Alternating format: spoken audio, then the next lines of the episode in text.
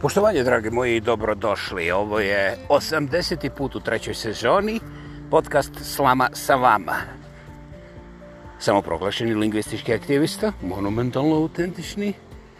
Ja pa ja, a ko bi drugi, Vladimir Kreća sa predivnih i legendarnih stjenovitih planina.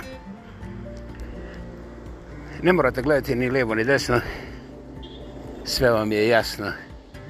I to je vrlo interesantno jer u istom momentu ništa vam nije jasno i hvala Bogu to je onda lijep dokaz da smo još uvijek na istoj planeti mada e, barem 110% od nas se može ne slagati jer to su kao kažu demokratske slobode Bože moj ja se neću suprostavljati jer nekako mi se čini da ratova svih vrsta veličina pakiranja boja i glasa ima na sve strane, pa da ja dodajem još jedan rad, e, bolje da budem lijen, to mi je nekako slađe.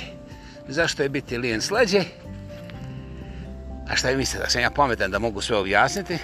Međutim, zašto bi ja morao objašnjavati, na primjer, da je voda mokra? Ha? Inače, ako pogledate i malo provjerite ta artificial intelligence sada upela prst, uplela prste i na Google i na Microsoft Edge, znači te glavne brauzere. Pa ako hoćete da postavite pitanje zašto je voda mokra, onda ćete otkriti da ima puno suve vode. Jest. Dobro ste me čuli, izvolite tamo, učite, bavite se naukama, to je strašno važna stvar, jer čim otkrijete da ima i suve vode, onda možete da uhvatite svoje društvo i da im brbljate dva sata, dva dana, dvije godine ili dva života, zašto ne? ovaj a nikad ne morate čuti da i oni imaju taj ovaj teflon s kojim mogu također da postave isto pitanje pa da rasprave stvar. Važno je napraviti rat, važno je ubiđivati se, važno je ovome drugome stati na vrat, koliko sam ja primijetio, naravno. Jedna u stvari koja je mene onako, kako to kažu u Crnoj Gori, razbucala je Hm. kada pogledaš ovdje oko mene u Sjevernoj Americi, a to svi oni koji žive u Sjevernoj Americi nemaju problema primijetiti već možda ne na nultom koraku, ali na prvom garant. Dobro, evo recimo neka bude i na drugom.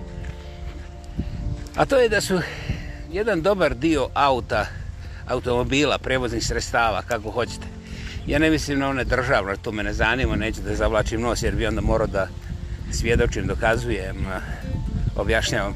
Ali evo ovako kad prođete nekim parkingom, masovnim parkingom, ispred nekog Walmarta ili slobodno, može biti McDonald's, izaberite. Znači nisam rekao ovoga country kluba gdje su samo ove specijalne guze i vrlo skupe bluze, nego ovaj takozvani normalni svijet. I onda ćete primijetiti da su američki auti iznutra prepuni smeće. Prepuni smeće do grozumore.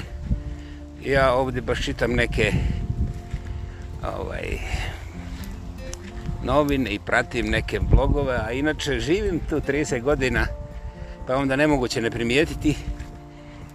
A, kažu, kažu ove statistike da minimalno nekih 15%. E sad ako znate da je svako moment u Americi na cesti oko 150 miliona vozila, onda 15% je strašna brojka. To je uu, 20, barem 20 miliona vozila. Kažu, do 15 miliona vozila ima u sebi smeća koje je onako direktno, a i izravno vrlo opasna, aktivno opasna, znači biološki aktivno u negativnom smislu, ne samo za ljudsko zdravlje, nego čak i za okolinu. To, pa, to pa dobro ste čuli, to znači za parking place. Ovaj, ja ne bih ulazio puno dulje u to, dublje u to, međutim, ja volim svoj auto čisto zbog toga što ja sjedim u njemu i ovo ovaj, je Niko ne zna da li sam ja unutra ostavio, šta je znam, neke škanicle ili nekakve konzerve ili ne znam već šta, šta se tu može ostaviti, baciti, odbaciti. Međutim, ja nastojim ovaj, e, iznutra auto držati čistim. Naime, ovaj, to ne znači da se je nekako uredna zvjerka ili tome slično, bog, ne do bog, ali to i takako znači da ja kad udahnem, volim da udahnem čist zrak, a ne ostatke raspadnutog pomfrita, razlivenih sokova po sjedalima, odbačenih pakiranja ovoga i onoga šta već ljudi sve jedu ili ne jedu, onda komadiće čokolade koji su se među vremenu rastopili, pougnjecali u te nekakve uske prostore između sjedala i onda izvolite i zaberite redom.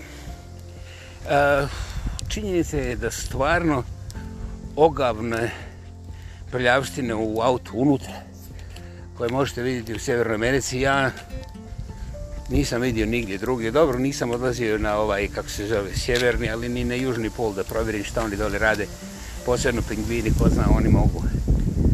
Može im se ovaj, ali ja nisam nadležan pa nisam provjeravao. Međutim, u Evropi u kojoj ima, o Bože moj, ima, ima, ima, ima plijenog i proljevog svijeta, ne brinite. Ovaj, nikad nisam vidio takve prljavštine, nikada. Ovaj, kažu neki, to je zbog toga što u Evropi ne jedu u auto. Bravo, fantastično.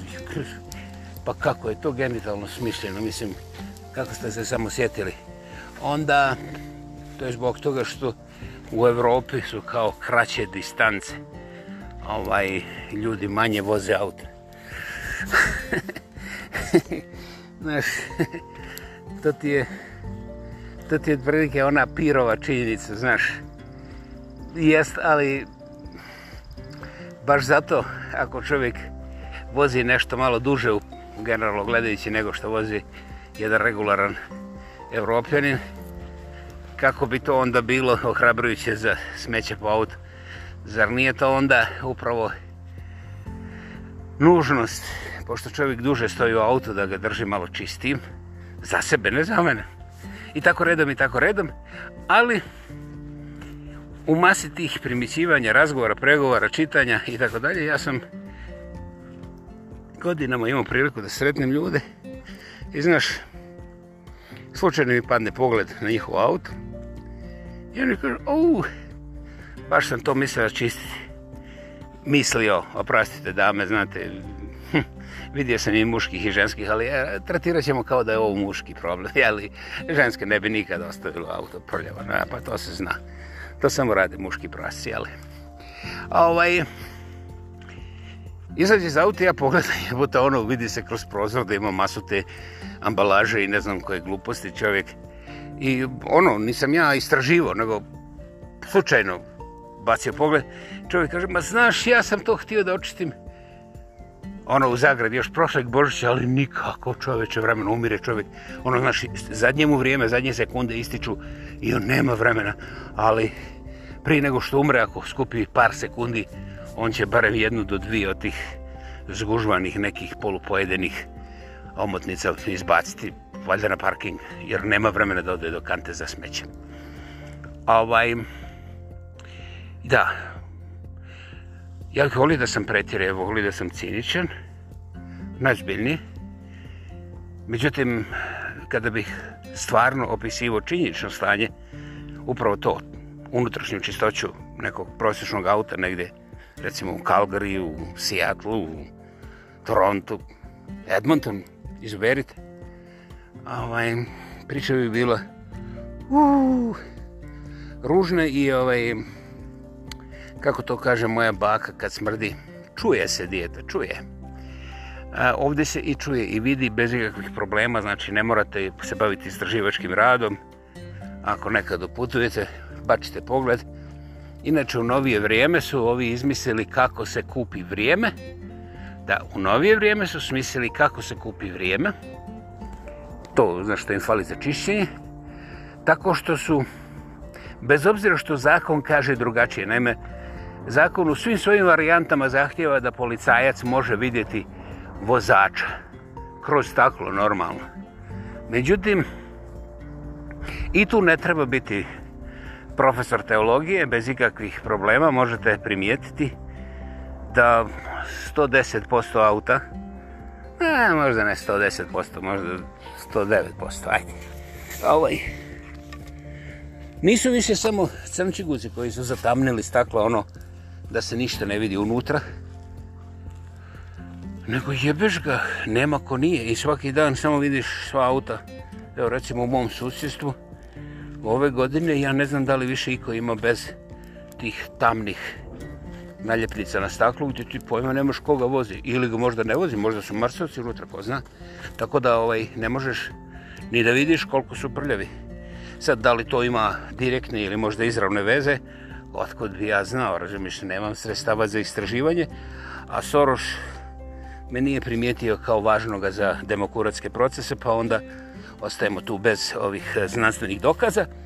Međutim, ovo samo kažem zbog toga što ćete u ova vremena imate teškoće u veći broj auta da zavirite, da vidite kako je smeće unutra, a kada vas neko onako slučajno pozove u auto, onda ćete imati priliku da...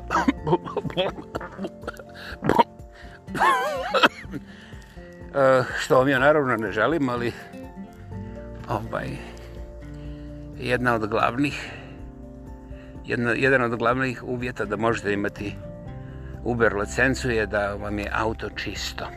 Iznutra, najprije. Ovo, ovaj, eto, toliko o tome.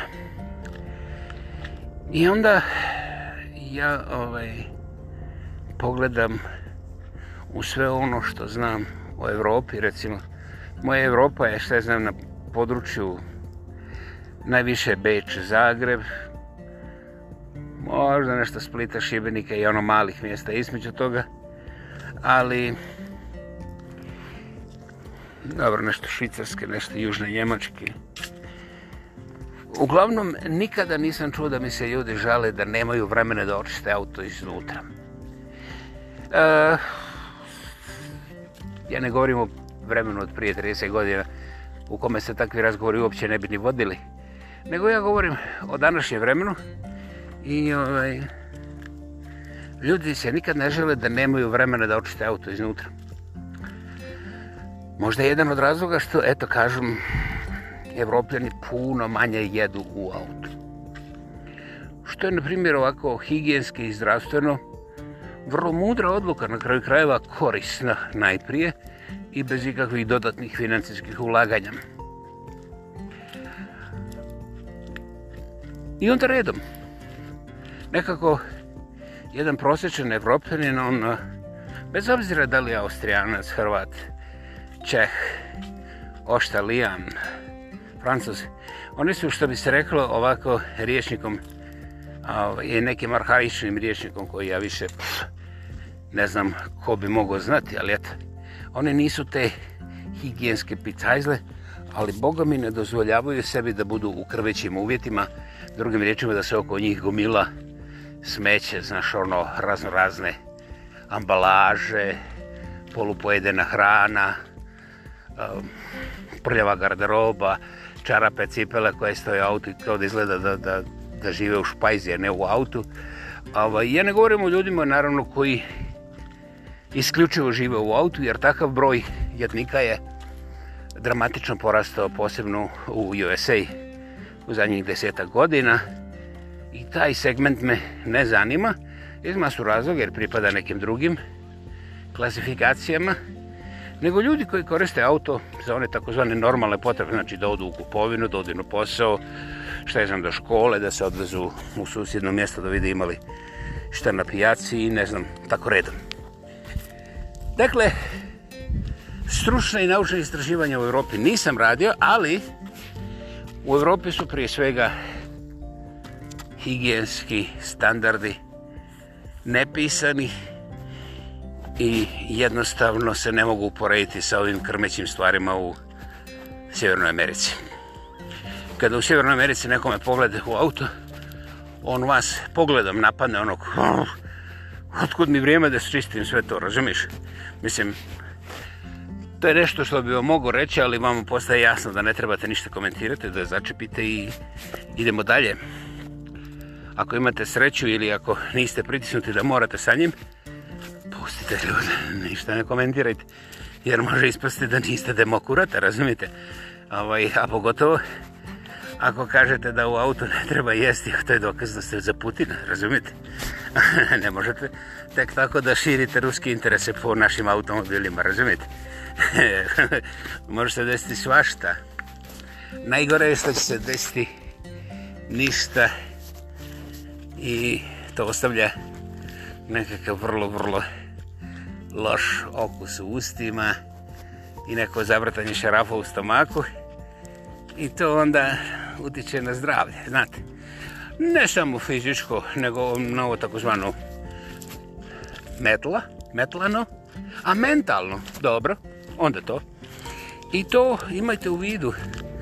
Dakle, kada dođete u Sjevernu Ameriku i vidite to o čemu sam vam upravo govorio, nemojte vidjeti, zažmirite i pitajte čovjeka je li imam vremena da očiti cipele, on će odmah uzeti pa će ih ostrugati o ove zadnje dijelove svojih nogavica i reći pošta pa fali mojim cipelama, znaš, naravno prije nego što ih uglaca s na, na, trljanjem s, na, s, po svojim nogavicama, znate.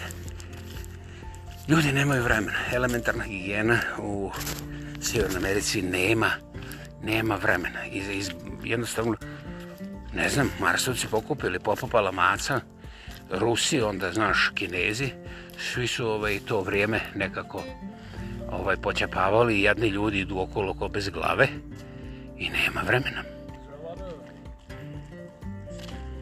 Ja, Rikelina. Ja, Rikelina. Ja, Rikelina. Ja, Rikelina. I ovaj... Jeste, dakle, nema problema, mi ćemo sprčiti još 100, 200, 300 milijardi koliko treba, znaš da te krutine i ostale urazumimo. Mislim da im objasnimo šta je demokracija. Ali ovaj vremena nema, nema, nema.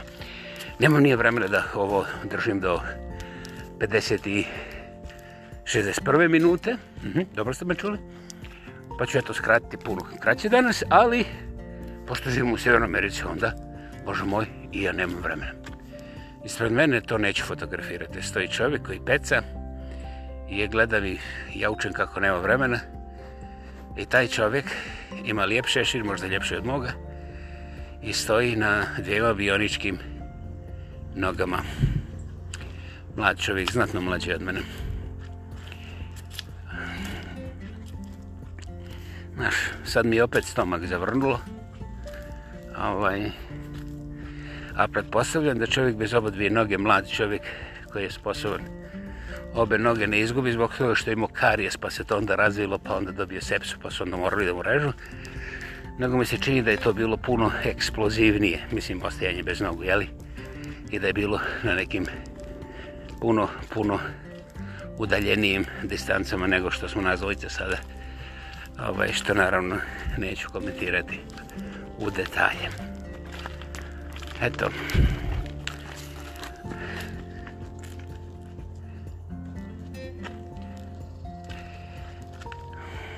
Ne, ne, neću, neću fotografirati. Um, da, jer uh, mladi, sposobni ljudi bez oba dvije noge će dobiti sada kompitere usađene u guzicu i u glavu i Bože moj, bionika uradi čuda. Uh, A šta su oni donijeli na svojim srcima iz onih krajeva gdje su išli širiti demokraciju?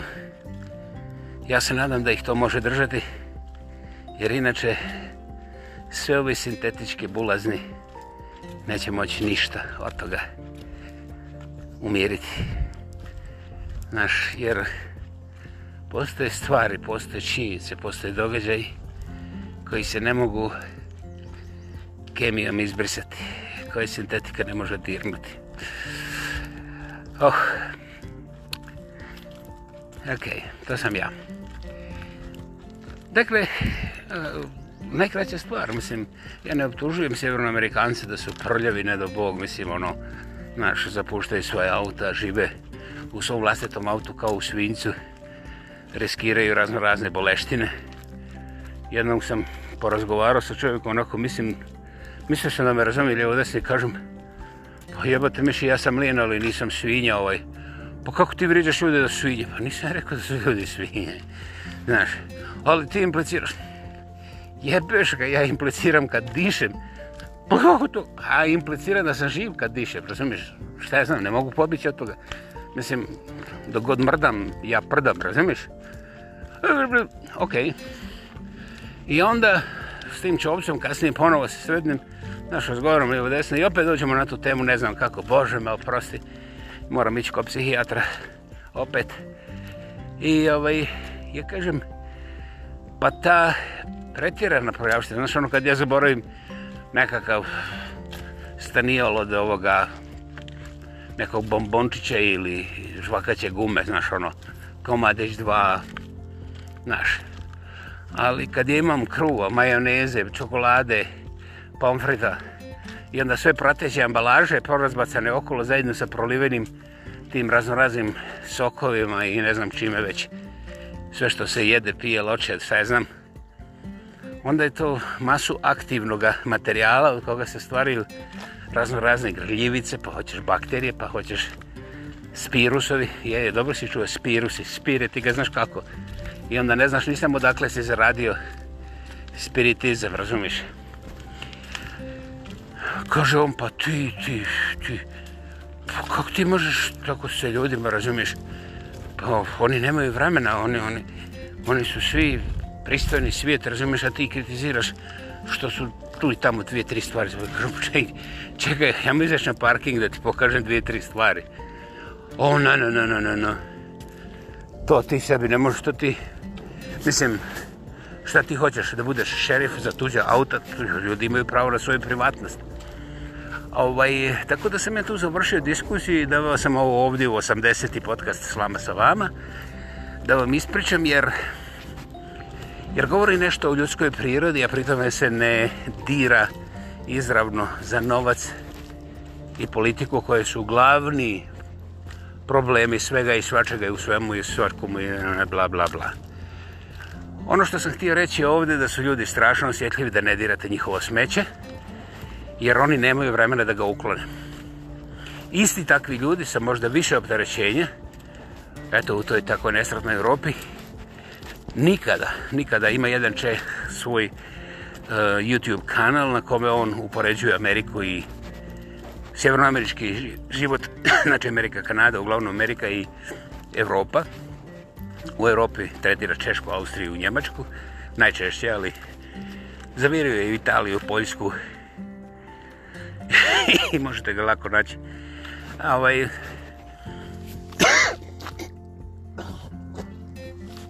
On dokazuje sve ovo što sam vam ja rekao. Pogledajte ako vas zanima. Za mene je fenomen nemanja vremena u Sjevernoj Americi um, misterija. Totalna misterija. Nijednog momenta neću ovaj, reći da ja to razumijem ili ne razumijem ili nešto u sredini jednostavno slušam kad čovjek počne da plače, da nema vremena, ja znam da je jedini način da izađem iz toga plakanja, da ne kažem ni slova, osim da se složim, naravno ljubazno i tiho, da pustim čovjeka da lamentira koliko hoće, na primjer, joj, nema vremena. Ja sam upravo sad izgubio, evo sada mi propale dvije minute e, kroz onaj naš onaj šaht na, na ulici. I gdje da ja nađem sada dvije minute? Ja sam izgubio dvije minute svoga života. Ja, ja ne mogu nikako da završim ovaj dan. Izgubio sam još jednu minutu. A tamo kad je semafor, semafor je 12 sekundi bio duže nego obično. Ja ne znam koji idiot da gore programira sve to. Razumiješ, mi smo, mi smo glasili za ovu novu gradsku upravu, a oni su dozvolili da se instalira još dva semafora tamo gdje ne trebaju nikome. I ja sam to izgubio ove godine još 7 sekundi po semaforu. Što znači da sam ja nakon 300 godina izgubio parem godinu dana života. I ja gledam čovjeka i ne pa da mi napome da računam. Ako ti 700 godina, dobro 300 godina svaki dan, gubiš dva puta po 7 sekundi, plus dva puta po 7 sekundi kad se vraćaš, pa onda puta 356 godina, možda je to godinu dana, možda ali ja nemam vremena da sačekam da isteče 356 godina pa da vidim ono, znaš, da se uvjerim. I zbog toga ne komentiram jer ovoga, znaš, matematika ipak nije matematika u Sjevernoj Americi zbog toga što ovaj, u, u Sjevernoj Americi, na primjer, nije bitno da li je 1 i 1, 2. No, čak nije bitan 1, nije bitan ni onaj drugi 1, a 2 je samo, znaš, to, to su instalirali komunisti i Rusi, znaš. Mislim, 1 plus 1 može biti, a ne mora pogledajte oko sebe. Naprimjer, ova patka ima 3, 4, 8, 9 pačića. Divote, divote, divote. Dakle, kao što vidite, ništa nije povezano s ničim, ali jeste povezano, međutim, sve onako kako ja kažem, jer to je čista demokracija zbog toga što ti ne možeš da me kritiziraš i da, na primjer, komentiraš ako ja nisam ovaj, to tražio od tebe, da. Jer moraš da poštuješ moju privatnost to koliko sam ja to glup zatucan i ovaj, promašen. E, kako možeš to da izustiš čovječe? Pa to su personalne stvari. Otkud ti to? Ovaj, I onda pitaš čovjeka, dobro, ako bi mi ovaj stavili, dobro, nećemo tvoje dijete, jer ono je super pametno, ali recimo, stavimo tvoga čuku u neku raketu, znaš, unutra, i onda ga ostavimo malo da se sigra. Si I sad Čuko lansira tu raketu. Ha? O, to je nemoguće, moj Čuko to nikad ne bi radio. Eto, znači, ti znaš da je tvoj Čuko učeni astronaut. Koju školu je završio? Kako misliš koju školu?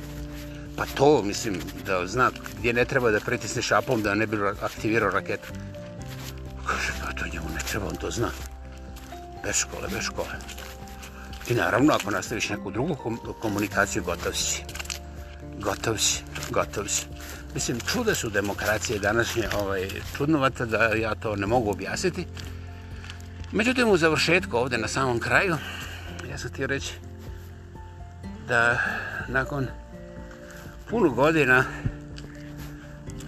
ovaj, to je bilo prisutno, ali sada, sada guši, na svim stranama su ti 2S LGBT+, to je narasla do totalnog preopterećenja na svakom koraku u gradu. Vidiš automobile sa zastavama ponosnog društva. Um, recimo, u, na YouTube-u u onim meni zanimljivim Redacted, Redacted se zovu, jeste, uh, Clayton i Natalie Morrison. Ovaj, oni govore o tome kako se mijenjaju zakone, baš pre neki dan. Roditelji, ukoliko ne dozvole svome djetetu da ima tu operaciju promjene ovoga, promjene onoga, razumiješ? Uglavnom, tužno. Ovaj, mogu ostati bez toga djeteta jer će ga uzeti socijalni radnici i staviti ga po zaštitu države. Da, da, dobro ste čuli. Ja ne bih ulazio dublje jer e, priča je vrlo kompleksna, razvija se svakog dana. Međutim, ja ću vas pitati, ako na primjer 88. godine na Olimpijskom parku u Kanadi, koji je ponos, nacionalni ponos Kanade, nije mogla biti istaknuta ni jedna zastava osim kanadske i učesnica upravo te 88. olimpijade. ja sam napravio jedan poseban video zapis sa Ratimirom Jarcom koji je vrati originalnu SFRJ zastavu na Olimpijski park, jer tamo je zastava DDR-a, tamo je zastava SSR-a, zato što su to legitimne učesnice ovaj, tih olimpijskih igara. Ne zbog nekakvih političkih napucavanja ili odmjeravanja, nego jednostavno oni koji su tada bili na tim olimpijskim igrama, oni su u tom memorial, memorialnom parku predstavljeni sa svojim autentičnim znakovljem. Završeno. I sada, prije neki dan ja se vozim, ne gledam, nastavim ne gledati, ovaj, nastavim ne analizirati. Jer eh, još uvijek nisam uspio da obolim od nemam vremena. Imam vremena uvijek. Imam vremena i kad umrem. Čuo sam da, da me niko neće pitati je li to baš onda to to, ali isto imam vremena i za to. A ovaj, i vidim na vrh brda kod olimpijske skakaonice u samom srcu Kravograda, tamo gdje je uvijek stajala ogromna kanadska zastava olimpijskih dimenzija, sada stoji, ne guziče, ne izvinjam se, LGBT zastava koja je tu zbog nečega Ja sam pokušao čitati lokalne novine, pokušao sam razgovarati sa nekim ljudima zanimljivo niko ne zna, a mene je zanimalo kako da ja istaknem zastavu nas, starih, ćelovih i impotentnih, jer nas ima. Kažu sada da smo ovaj, mi stariji preko 50 godina ovaj, rastuća populacija, još nuđe da opadamo u groblju, ali izgleda da nije tako. Hajde, okej. Okay. Dakle, nas u Kanadi ima preko 60 godina više od 12%. A ja ću odbaciti 2% pa nek bude samo 10%. Znači, mi govorimo o milionima ovakvih kao što sam ja. Znači, ćelovi, impotentni, nesposobni, seksualno neiskoristivi. I ovaj, ja sam smislio da imamo zastavu, ono, gaće sa žutom ovom, kao japanska, ona, znaš, na bijelom. Ovo je bilo žuto, istrošeno, nešto, znaš, stara, stara krpara. I onda, znaš, ono, pljas u sredini sa onim malo smeđim malo težeg mirisa ovaj tim geografsko grafičkim ovaj prikazom suštine ovaj naše srži je starih ljudi. Ovaj i ja bih tu zastao razvuko, mislim ono da se barem da se provjetri, mislim od gore u Olimpijskom parku bi bilo fantastično. Ovaj i to bi dokazalo da sve te naše patnje starih ljudi, jer mi imamo hemoroide, pa imamo zatvorenost pa ima, e, ima toga, razumiješ, ima enciklopedija, samo ne smijem da ti kažem, preplašit ćeš se, pa nećeš nikad stići u svoje 60-te. Ovaj, ja pitam, gdje bi ja mogu da izvinim tu zastavu nas? Jer sam siguran da nas ovih, mislim, starih i otrcanih, potrošenih ima puno više nego ovih, znaš, ovih e, što su iz preda i straga, ono, upotrebljivi, jel? Um, ne bih vam rekao kako sam mišljenje čuo, ali kada sam ja to uspio nekako svesti na tu tehničku ravan informacije, ono, kako čovjek dođe do toga da obisi zastavu na olimpijski, eh, na olimpijsko koplje, ovaj, to ti je kao nešto nacionalni oltar međunarodnog značaja. Prije svega jeste nacionalni oltar, ali međunarodnog značaja, istorijskog značaja, to su olimpijske igre, to je olimpijski, monument? Niko ne zna. Jebedu nas ovi LGBT 2S plus na sve moguće načine i šta god kažete, šta god kažete, to je odmah kontra njih. Kako je... Jebeš ga, ovaj, ja sam plitak da to protumačim, ali je interesantno kad go podignu prst, oni su isto kao Ukrajinci, pobjeđuju svaki dan, ovaj, Rusi su glupi, nesposobni, međusobno se ubijaju. Jedino što... ne, ne možemo razgovarati o sjetnici da oni ubijaju više naših, ali to je zato što su oni glupi, a mi pobjeđujemo svaki dan. Pa ljudi moji, dobrodošli u moderni svijet. a ovaj ljudi ovdje i dalje ne, ne čiste svoje auto iznutra, jer njihova njihova zdravstvena stanja nisu važna koliko je važno da mogu plakati, da nemaju vremena za to. Jednostavno nemaju vremena. Na nekim drugim meridijanima i paralelama nikad ne padne na pamet čovjeku da razgovara o tome nego ga sramota ako je ovaj prdio, šmrcao, prolijevao ždero u svome autu jer to radi na nekim drugim mjestima i ovaj uglavnom imaju vremena. Došli smo u doba kada su fatamorgane i fiksacije i to kad ja prvi potegnem riječ, klasifikaciju, onda sam ja u pravu. A ovaj, moderna doba je toliko civilizirana da je ovaj, doista brutalno, doista razvrno, doista primitivno biti civiliziran u ovom današnjem svijetu. A ovaj, naravno vi birate za sebe i sretno vam demokracija. A, ja nisam od vas tražio da odobravate što ja govorim, niti da se slažete još manje nekakve sljedbeničke ovaj, aplauze. Ali dobio sam u pristajan broj e-maila koje nisam stigao odgovoriti jer od, otkrio sam otkrio sam da, da se ne snalazim dobro kad dobijem re, zaredom jedan pa drugi pa treći pa četvrti email u kome nema ni jedne derogativne riječi u kojem ljudi a to ste vi nevjerovatnog mentalnog zdravlja vrlo zrele odmjerene inteligencije uputite odmerene riječi koje doista utiču na moje mentalno zdravlje i na moje zdravlje ukupno, jer onda ja mogu da snimim još jednu emisiju bez knedle u grlu. Tako od redom, meni najdraži email je stigao prošlog tjedna iz Niša, iz mog zatvorskog Niša, čovac koji razumije zatvorski Niš. Dakle, gospodine Zlatko Karančeviću, hvala. Ali, svim srcem hvala svima vama koji slušate, čak i ako se niste javili e-mailom. Ja sam izuzetno, izuzetno sretan i ohrabren što vi i kako dobro razumijete šta ja govorim, bez obzira što ne koristim nikakav skript, što ne koristim glancanje, što ne koristim ponovno snimanje, što ne koristim a, uljepšavanje ili recimo kompoziciju, riječnik, sve redom. Dakle, vi razumijete šta je organičko, sirovo i surovo raspredanje o nekim temama i nastavit ćemo tako.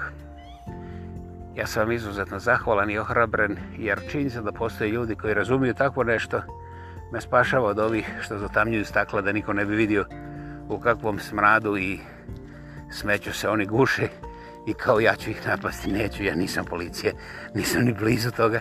Ja sam samo eto gledao sa strane video i ovaj, doista mi je absurdno da eto već decenijama koliko živim ovdje, ako slučajno zadržim pogled ljudi, odma plaču kako nemaju vremena. Ja ih nisam pitao da li čiste ili nečiste, jer ako su oni potrošili 30, 50, 100 tisuća dolara na auto, pa ga onda iskoristili da im bude kanta za smeće, to ni slučajno nije moj problem to ni slučajno nije predmet moga istraživanja, ali boga mi kada ti ljudi ničim izazvani počnu meni da plaču kako nemaju vremena da spriječe da žive u takvom smeću,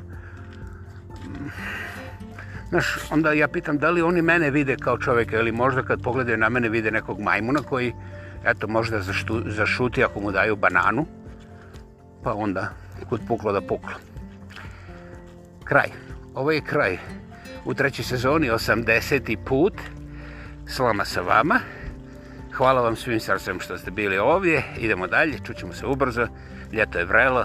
Da, gledao sam ja Roland Garros, međutim, svi su to puno pametniji od mene ocijenili, procijenili, slikali, kazali, pa sam ja zbog toga to jednostavno ostavio pametnijima, a ja sam uživao gledajući šta sam gledao. Eto.